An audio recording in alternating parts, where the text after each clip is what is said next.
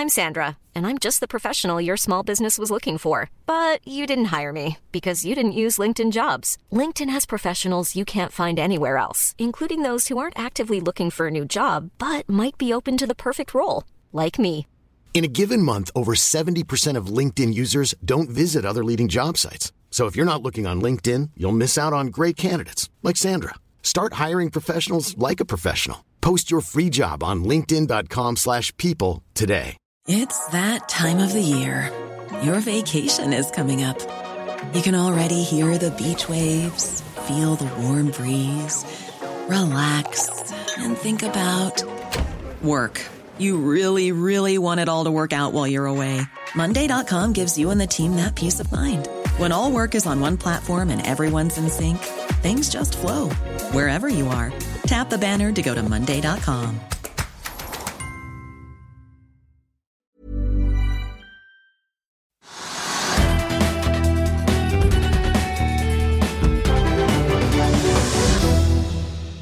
Velkommen til Økonominyhetene på denne gudskjelov-dagen fredag 24. juni. En grønn børs, milliarddeal i tank for Arne Fredli og en oljepris som fortsatt ligger over 110 dollar fatet, er noen av overskriftene i dag. Vi avrunder uken med både aksjetips, bilstoff, vi får besøk av en biotek-gründer som sikter seg inn mot børs neste år, og mye mer. Men la oss begynne med markedet akkurat nå. USA endte jo i pluss i går, og særlig Nasdaq bidro sterkt med en oppgang på 1,6% Vi så at den positive stemningen smittet over til Asia i morges, der børsen i all hovedsak endte i grønt. og Det har vi også sett av Europa, med unntak av våre finske venner som er i rødt så langt i dag. Nordsjøoljen ligger inne med en spotpris på 111 dollar 70 akkurat nå. Det er opp nesten 2 fra prisen i går. Den amerikanske lettoljen ligger på 106 dollar blank. Og så får vi jo nevne at Inify har hatt sin første uke på børs. Dette selskapet ble jo skilt ut av Context Vision. Og det har jo vært en kanonuke for nykommeren. Selv om de er nede i 8,3 i dag til 7 kroner og 70, så åpnet de jo på så vidt over 4 kroner på mandag da de fikk ringe i børsbjellen. Så for de som kom inn da, så har det jo vært en særdeles hyggelig uke. Hovedveksten på sin side endte jo ned nesten 3% 2,98 da i forrige uke. Og selv om vi er oppe i dag med 0,4% så ligger vi an til et fall på litt over 3% samlet sett for uken. Selvfølgelig litt avhengig av utviklingen i de siste timene nå inn mot stengetid. Da skal vi ta og titte litt på dagens nyheter. Vi begynner med Tank og Arne Fredlis Hunter Group, som er oppover 7 i dag. Rederiet melder at de selger hele flåten sin for 3,8 milliarder kroner med dagens kronekurs. Prislappen på de fire skipene ligger på rundt 95-96 millioner dollar per skip. I slutten av mai så priset verdivurderingstjenesten Vessels Value hele flåten til 376 millioner dollar, noe som tilsvarer da 94 millioner dollar. Så prislappen endte omtrent der man kunne forvente. Jeg har en veldig smart idé, sier Arne Fredli selv, om hva han har tenkt å gjøre med pengene han nå får ut fra salget av disse tankskipene. Og han sier til Finansavisen at han nå vil se om aksjonærene i Hunter Group har lyst til å bli med han på dette i Hunter Group eller ikke. Og hvis ikke, så utelukker han ikke at salgsinntektene kan bli utbetalt som utbytte. Det spekuleres i at det er greske Maran og britiske DAO Shipping som er kjøperne. og Så får vi også ta med at belgiske Euronav har vært nevnt som en mulig kjøper av disse Hunter-skipene. Euronav er jo da får vi si, i gang med en fusjonsprosess. I hvert fall er det det Jon Fredriksen og hans frontline håper på, selv om den belgiske Savarys-familien, som også er storaksjonærer i Euronav, stritter imot. Vi holder oss innen olje, for serviceselskapet Shelf Drilling meldte at de skal kjøpe fem oppjekkbare rigger fra Noble. og De skal være kompatible for operasjoner i Nordsjøen. Shelf har hentet 1,3 milliarder kroner i en emisjon med en kurs på 13 kroner nå. Aksjen er ned ca. 20 til noen øre over emisjonskursen i dag. Nordic Nanovector er en annen aksje som faller ganske solid. Den ble jo slaktet i en analyse fra DNB Markets tidligere denne uken, og aksjen er i dag ned 23 til litt over 2,90 kroner og 90 selv om aksjen steg 17 i går, så var den ned over 50% på onsdag, og aksjen er dermed mer enn halvert den siste uken. Og dette kraftige kursfallet skyldes da nyheter rundt utviklingen av kreftmedisin Paradigme. Natt til fredag meldte BV Energy at Petrobras i Brasil nå har godkjent deres bud på feltene Golfino og Camarupim offshore Brasil. altså. Den aksjen er opp 12 i dag. Så får vi ta med at uh, salataksjen Calera topper vinnerlisten på Oslo Børs uh, i dag, med en oppgang på rundt 17 til like under 10-kroningen per aksje. I slutten av januar ble det jo kjent at selskapet fusjonerer med Agrico Acquisition Group, og fredag har selskapet kommet med en oppdatering rundt uh, sammenslåingen, og forventes nå at fusjonen vil bli fullført 28.6, og at det nye selskapet noteres på Nasdaq-børsen New York dagen etter. Før vi går videre i sendingen, husk at du også kan se sendingene våre ved å gå inn på fano-tv, og at vi også har andre podkaster enn bare Økonominyhetene, som Morgenkaffen, Gründerpodkasten Veien hit, Ukens vintips, Kunstpraten og bilpodkasten Mil etter mil. De finner du ved å søke Finansavisen, der du hører på podkast. Og mens hovedindeksen her i Oslo er ned 3,5% så langt i år, og fondsindeksen er ned 8,3% så er det jo langt verre mange andre steder. SMP 500 i USA er nå ned 20,4 siden eh, nyttår. Men er dette bunnen, eller kan det falle enda mer? Bloomberg har eh, fått litt hjelp av Société General, som har sett på hva historien forteller oss. Bare se her. The S&P 500 index may have another 24% to fall by year end. That's according to SocGen, based on the past 150 years of financial market history, they say. Bloomberg's Danny Berger has been poring over the details. Danny. Yeah, Anna, this comes from the quant team, and you know I love me some quants. It's an interesting uh, argument and, and thesis to hear, especially today on a day when stocks are rallying, perhaps due to the concern about the economy and what that means for the Fed. But basically, looking at this wide set of data, they argue that from the peaks, the fair valuation of when we enter into a crisis period and come out of it is far lower than where we are now. In, indeed, they say that from the January peak, we needed to fall about 40%.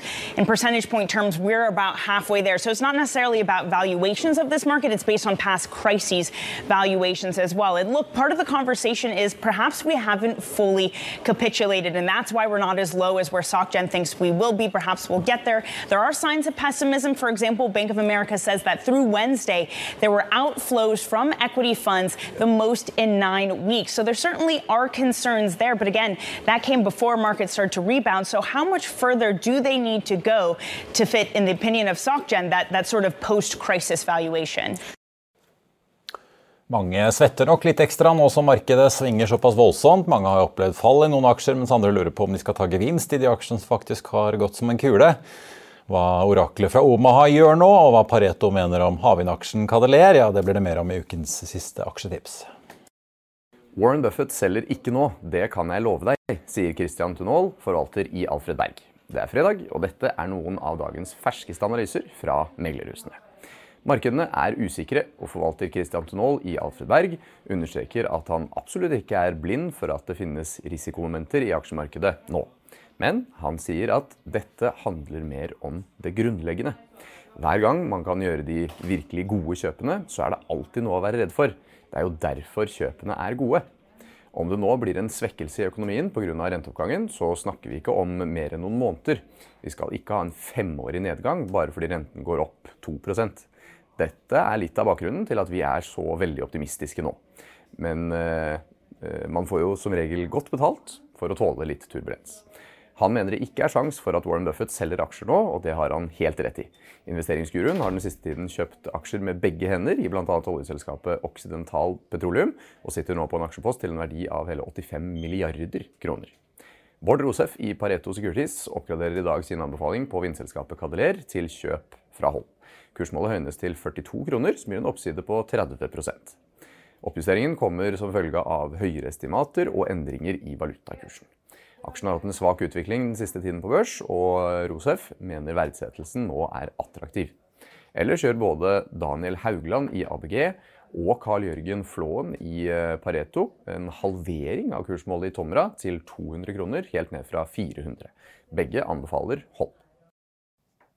Da skal vi over til uh, dagens gjest, som uh, jo uh, satser på å vokse og slå gjennom i legemiddelindustrien, men som ikke tar turen innom Euronext Growth, i hvert fall i år, men en litt annen finansieringsmetode før en planlagt børsnotering neste år. Velkommen til oss, Åge Nærdal, administrerende direktør i Insulife. Takk for det.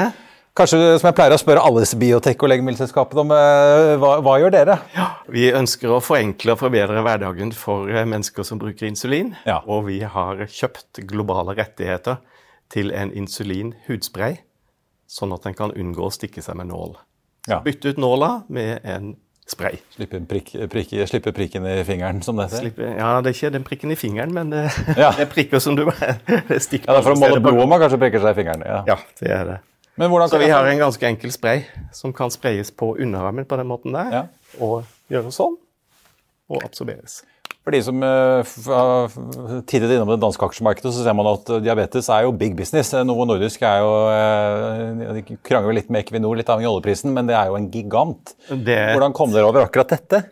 Eh, vi kom over det. En, vi er tre som starta selskapet sammen, og en av oss tre, som heter Petter Bjørnstad, jobba som konsulent for å hjelpe det selskapet som har utvikla den, med kommersialisering av produktet. Fordi dette er kjemikere og utviklere som har jobba mange år uten å lage noe mye butikk ut av det.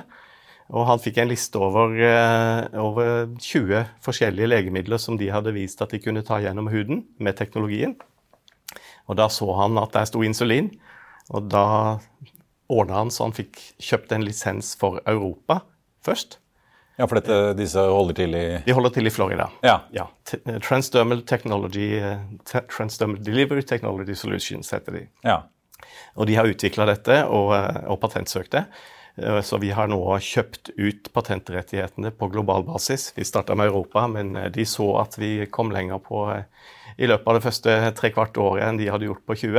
Ja. Men når det gjelder kommers, så, så, vi har gode planer framover nå. Men Da blir det deling av overskuddet hvis dette går bra, da? Med disse ja, vi har, eller? Vi, eh, vi, har et oppgjør der som er en del cash og en del i aksjer, så de har nå ca. 30% eierandel i Insulife. Så Fortell, vi sitter i samme båt. Ja, ikke sant? Det jo, hjelper jo av og til, det. Fortell litt om da løpet. fordi vi, vi, vet jo fra legemiddelindustrien at det er jo ikke akkurat bare bare å begynne å selge nå. Du skal ha veldig mange godkjenninger. Ja da. Fortell litt om hvor i løypa det er, og, ja, fordelen vår er når dette kan være på gaten. da. Ja, Fordelen vår er at vi skal ikke utvikle et nytt legemiddel. Vi skal ta et velkjent legemiddel, insulin, som har vært brukt i 100 år i år, og tilføre det til kroppen på en ny måte. Og Det gjør at det som er viktig for oss å vise, det er hvordan det absorberes, og hvordan doseforholdet er i forhold til eh, injeksjon, en injeksjon som brukes ja. i dag. Så det betyr at utviklingsløpet er ikke nødvendigvis så veldig langt. Og hvis alt går som vi håper på, så skal vi kunne være på markedet i 2025. Ja. Og i 2025 så er markedet forventa å være på over 500 milliarder norske kroner globalt.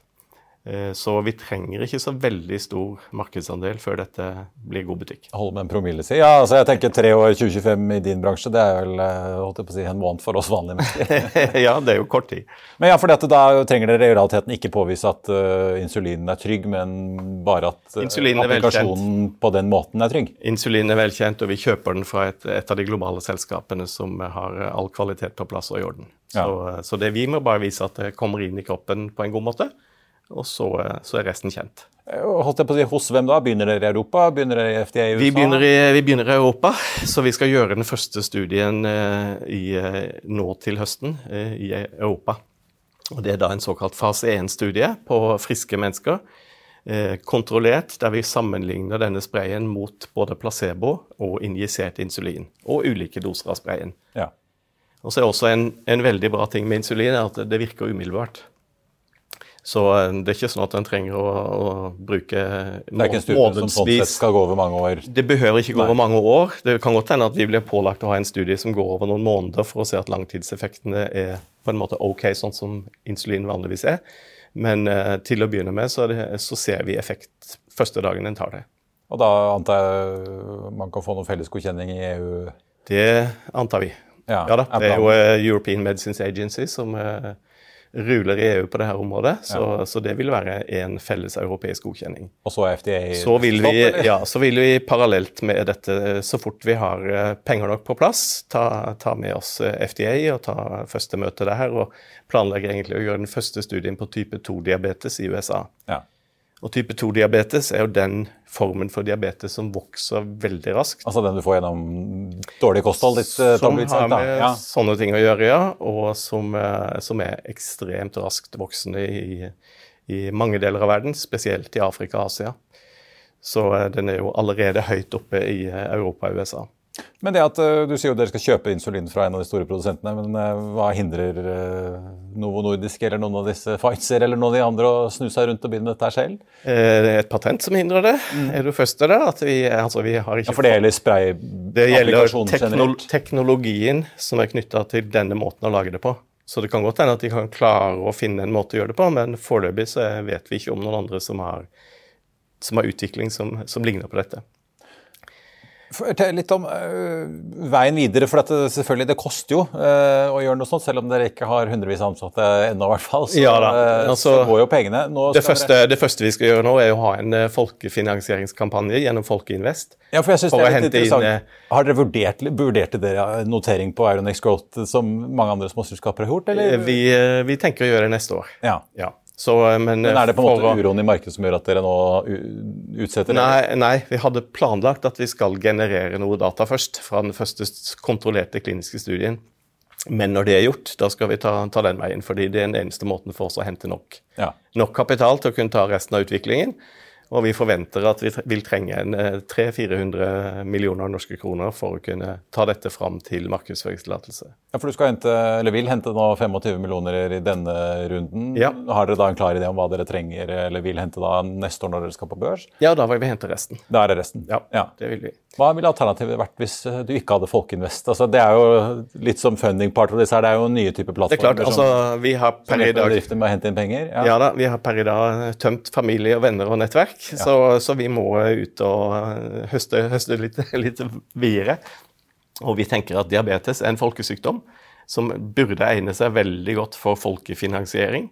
Og så har vi prisa selskapet på en måte som gjør at det skal bli attraktivt eh, for de som kommer inn i dag, å være med på verdiutviklinga. Men hvis det ikke eksisterte, hadde det da vært uh, prisgitt at du hadde noen tidligfaseinvestorer som var interessert i dette? Så er det klart at uh, vi tar med oss tidligfaseinvestorer. Hvem som måtte ønske å investere her, er hjertelig velkommen. Ja, det skjønner jeg, men, men det er det som er på en måte alternativ, hadde vært alternativet ja. ditt? Ja. Og så er det jo det er vanskelig å finne, finne fond som vil gå inn så tidlig i et selskap. De vil gjerne se litt mer data før de gjør det.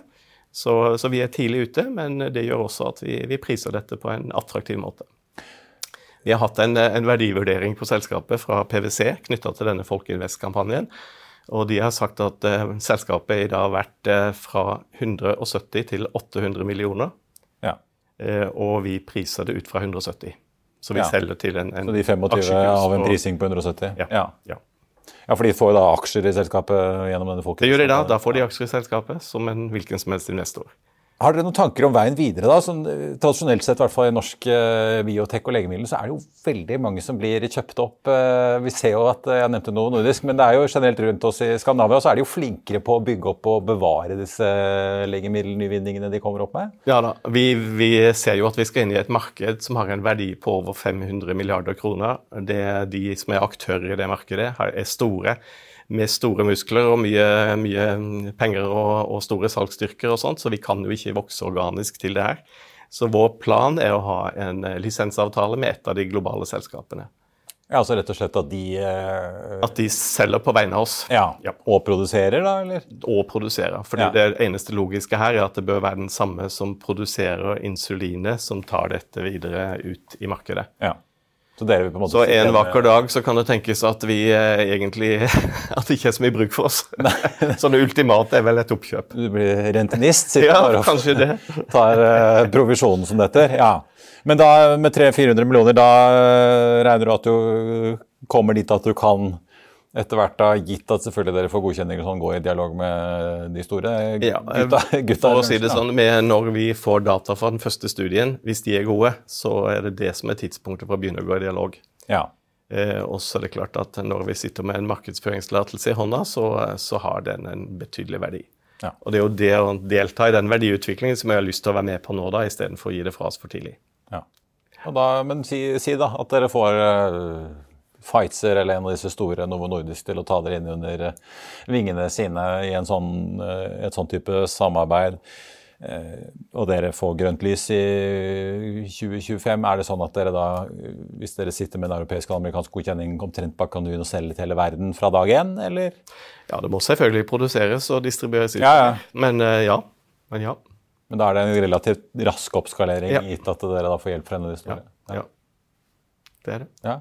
Skal du bare sitte og sysle med dette her i sommer, eller har du noen andre ferieplaner òg? Jeg bor på Sørlandet, så eh, det blir litt ute i båten. Ja. Og her må jeg nesten si at det er vindig, da. Da blir sikkert uh, Trygve glad. Han er på reisefot i dag, men han, han følger med, vet jeg. Åge Nærdal uh, Insulife, tusen takk skal du ha. Lykke til, får vi jo si. Det er alltid gøy å se nye norske bedrifter prøve seg. Hjertelig takk. Da eh, skal vi da, før vi tar en siste titt på markedet på denne fredagen, over til eh, det motoriserte, for FA Motor-redaksjonen er klar med en ny utgave til deg i helgen. Og kollega Håkon Sæbø ba oss komme ut på plassen utenfor kontoret i sted her, bare for å vise oss hva som nå skjer. Ta en titt. Da står jeg her sammen med Håkon. Håkon, vi har jo da en ganske fin eh, Mercedes her, men en type Mercedes som kanskje ikke er så populær hos nordmenn lenger. Nei, eh, det er jo litt interessant. Før den forrige C-klasse ladbar hybrid ble jo kjempepopulær. Nå er elbilsalget, eller registreringen, da, er jo oppe på 80% i Norge. Mens ladbare hybrider har eh, falt over 70% Så denne bilen er ut. Men eh, den bilen vi har på cover i eh, motor nå til helgen, den eh, kan være ganske inn. Ja, for Mercedes selger, jo, selger deg jo så å si alt du vil ha. Her i Ukens Motor så blir det altså noe med kabel, men uten bensinmotor. Ja. 476 hestekrefter. Mercedes AMG EQE 43. Firematic, så firehjulsdrift eh, selvfølgelig. Eh, Rekkevidden den eh, ligger på 467 km for akkurat denne bilen med de gigantiske felgene. Og det er jo en ganske svær bil. Eh, Ja, for det er jo ikke en EQS, men ikke noen liten kar likevel. Nei, nesten fem meter lang. Og det noen kanskje blir litt overrasket over, er at bagasjeromsløsningen er en god del annerledes enn EQS, så ja, man må sjekke dette her. Det kan du lese mer om. Og så har dere også noe for de som er veldig glad i frisk luft, men vil kjøre elektrisk. Ja, Fiat 500. Den er jo elektrisk, og den kommer som kabriolet. Veldig søt bil å suse rundt i. Den eh, vi har eh, på trykk her er eh, litt sånn gull, sølvrosa, en sånn snedig blanding. Underlig farge, men synlig i trafikkbildet. Godt at italienerne fortsatt er eksentriske og kreativ.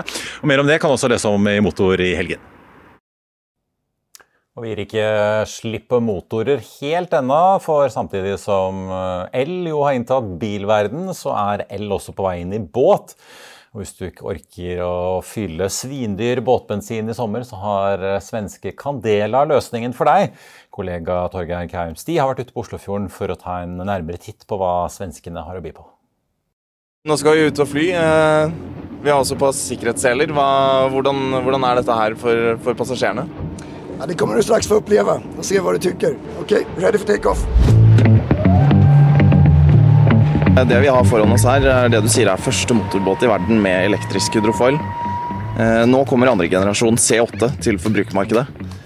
Fortell litt om båten. Det ni ser bakom meg her er jo første generationen. Den- er 7,5 meter lang og var først i, verden i på den tiden. Nå kommer vi andre generasjonen C8. Den er 8,5 meter lang. Den har en kabin. Den har alle funksjonaliteter som normale fritidsbåter har. Men den är tyst i och med att den har motorn under vattnet. Det är som en segelbåt. Och ekonomiskt sett så är framdriften, det är nästan gratis att åka med el, flygande el. Hva er det som gjør elmotorbåt mulig? Elmotorbåt finns det många sätt att göra. Åker du långsamt så kan du skifta ut en gammal motor och stoppa i batteri och elmotor. Men ska du åka fort, då är det fysikens lagar. Då är, gör du bälgar och det är waste of energy som ingen vill ha och eh, friktion. Så lyfter vi upp båten ur vattnet då kan vi bli 80% mer effektiva. Och då klarar vi av att åka snabbt och fort på vattnet med el. Yes, okej, ready for take-off. Hva, hva er hastigheten eh, før man eh, kommer opp? Eller, man sier slipper vannet med vanlige båter, men eh, Eh, 16 knop ungefär. Så vi, vi flyger mellan 18 och 30 knop. Då har vi eh, 20 kilowatt på motorn och 1,1 kilowattimmar per nautisk mil. Eh, Vi har tittat på vad normala fritidsbåtsägare gör. Så du kör en timme någonstans, du upplever någonting, badar, restaurang och sen kör du tillbaka. Så det ska du klara utan att ladda. dette er et forholdsvis nytt marked. eh, Men hvordan er interessen? Intresset har ju ökat eh, radikalt de sista åren ska vi säga. I början var, var folk väldigt skeptiska. Kommer det här verkligen fungera? Och nu har vi ju byggt serieproduktion sedan 2019. Och vi har en, en bra bit över 100 båtar i order på den nya C8. Så att vi ser vi måste skalera upp vår produktion. Så vi gjør det med fem ganger stort, større produksjonsfasiliteter her nå i sommer. Og skal forsøke å nå opp til 400 båter per år. Fortell litt om motorstørrelsen og, og rekkevidden. Ja, eh, En elmotor som vi anvender er 50 kW peak og det behøves bare precis ved takeoff. Sen går vi ned nærmere 20 kW så vi har en ekstremt liten motor for å flytte en så stor båt i de her hastighetene vi prater om. Räckvidden ligger någonstans mellom 40 og 50 nautiske mil på en, en ladning. Og Hvis du ser i sammenheng med andre mer tradisjonelle båter med, med utenbordsmotor eller innenbordsmotor, hva er det som gjør denne båten interessant? Ja, Det er flere saker. Eh, dels er det jo at vi er fossilfrie, så klart, men det kan man gjøre med annen teknologi også. Sen så er det jo at vi åker ovenfor belgene, så den er helt stille. Du rör den er helt mjuk og fin i åk, eh, åkningen. Du blir ikke sjøsjuk eller du får ikke vondt i ryggen. Og sen så er den jo tyst. Så det er en helt annen opplevelse. Og Hvor mye må du ut med for en slik båt? Den vi ser bakom oss ligger på 265 000 euro. Og nye C8 ligger på 290 000 euro. Utover fritidsbåtene slipper Candela ytterligere tre båter for kommersielt bruk. En taxibåt ment for varmere breddegrader, en taxibåt designet for et kaldere nordeuropeisk klima som lanseres senere i år, og en større passasjerferge som tar opptil 30 passasjerer. Den skal ifølge selskapet være den mest energieffektive fergen i verden. På Oslo Børs eh, nå så ligger hovedindeksen på en 1159 poeng. Det er opp 0,45% for dagen, men ikke nok altså til at vi får en oppgang denne uken, ser det i hvert fall ut som, hvis ikke noe revolusjonerende skjer nå på tampen av eh, dagen. Vi tar med at Shelf Drilling er ned nå 20,1 til 12,98. To øre under da emisjonskursen som selskapet har annonsert. De henter jo 1,3 milliarder av inn eh, og skal kjøpe opp objektbare rigger fra Noble. Hunter de selger de selger tankbåter, opp 7,3 i dag. Eh, og Så får vi også eh, svinge inn og BV Energy opp 10,7% etter meldingen om at de fikk gjennomslag for å kjøpe disse oljefeltene i Brasil. Nordic Nanovektor ned 25 etter da nyheten om paradigmestudien og slakten fra DNB Markets. Vi tar med at Veidekke er opp 2 i dag. De melder om en kontrakt på litt over 1,1 milliarder kroner for å bygge tunneler på deler av strekningen på den nye Fornebubanen, som politikerne har tenkt å kjøre videre med. Så må vi nesten også svinge innom Airthings. Denne luftsensoraksjen, teknologiaksjen, har jo blitt flyttet over til hovedlisten på Oslo Børs i dag, og den aksjen er ned 3,4 Sist, men ikke minst eh, luftfarten. Det blir jo bare mer og mer betent mellom piloten i SAS og ledelsen, virker det som. Nå har jo SAS da varslet ifølge NTB lockout eh, i både Sverige og Danmark. Og E24 melder at eh, pilotene har tenkt å ta ut alle sammen i streik da fra neste onsdag, hvis ikke partene blir enige. SAS-aksjen er ned 1,3 i dag. Og det er jo ikke bare SAS som sliter. Norwegian og de andre sliter med flyteknikere som er i streik. Norwegian er ned 3,2 i dag. Widerøe er jo ikke børsnotert, men har også kansellert flyvninger i dag. Norse Atlantic ned 2,9 Og så får vi ta med altså Flyr, som ikke er rammet av denne flyteknikerstreiken. De er ned 0,6% Men eh, alle sammen er jo rammet av eh, tettpakkede flyplasser med mye kø rundt omkring på eh, kontinentet, får vi jo da si.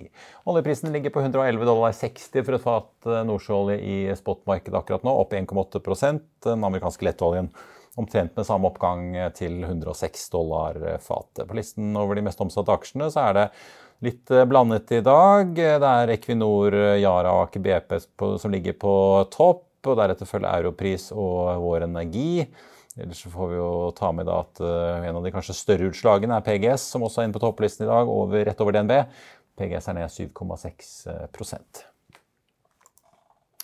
i Finansavisen i morgen på lørdag så kan du lese Trygves leder om det pressede arbeidsmarkedet, og at mangelen eh, på folk eh, den preger alle bransjer.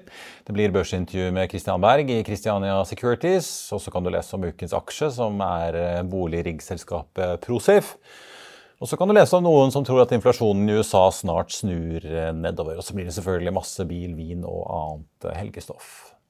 Og Det var det vi hadde for deg i denne sendingen og for denne sesongen. For dette er nemlig den siste av våre faste sendinger nå før eh, sommerferien. Men vi har ikke tenkt å ta helt fri i sommer. For gjennom hele ferien så kjører vi en serie med intervjuer hver eneste uke.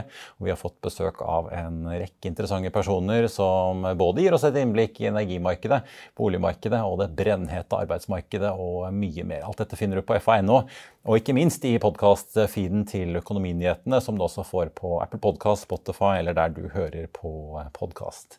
Men for denne gang så vil jeg i hvert fall si takk for følget. Etter sommersendingene så er vi tilbake med ordinære sendinger mandag 8. august. I mellomtiden ønsker alle vi her i Finansavisen og Hegna med deg og dine en riktig god sommer. Takk for nå.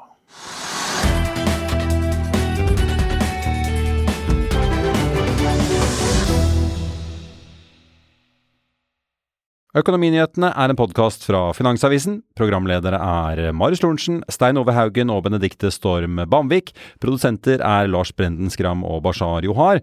Og ansvarlig redaktør er Trygve Hegnar.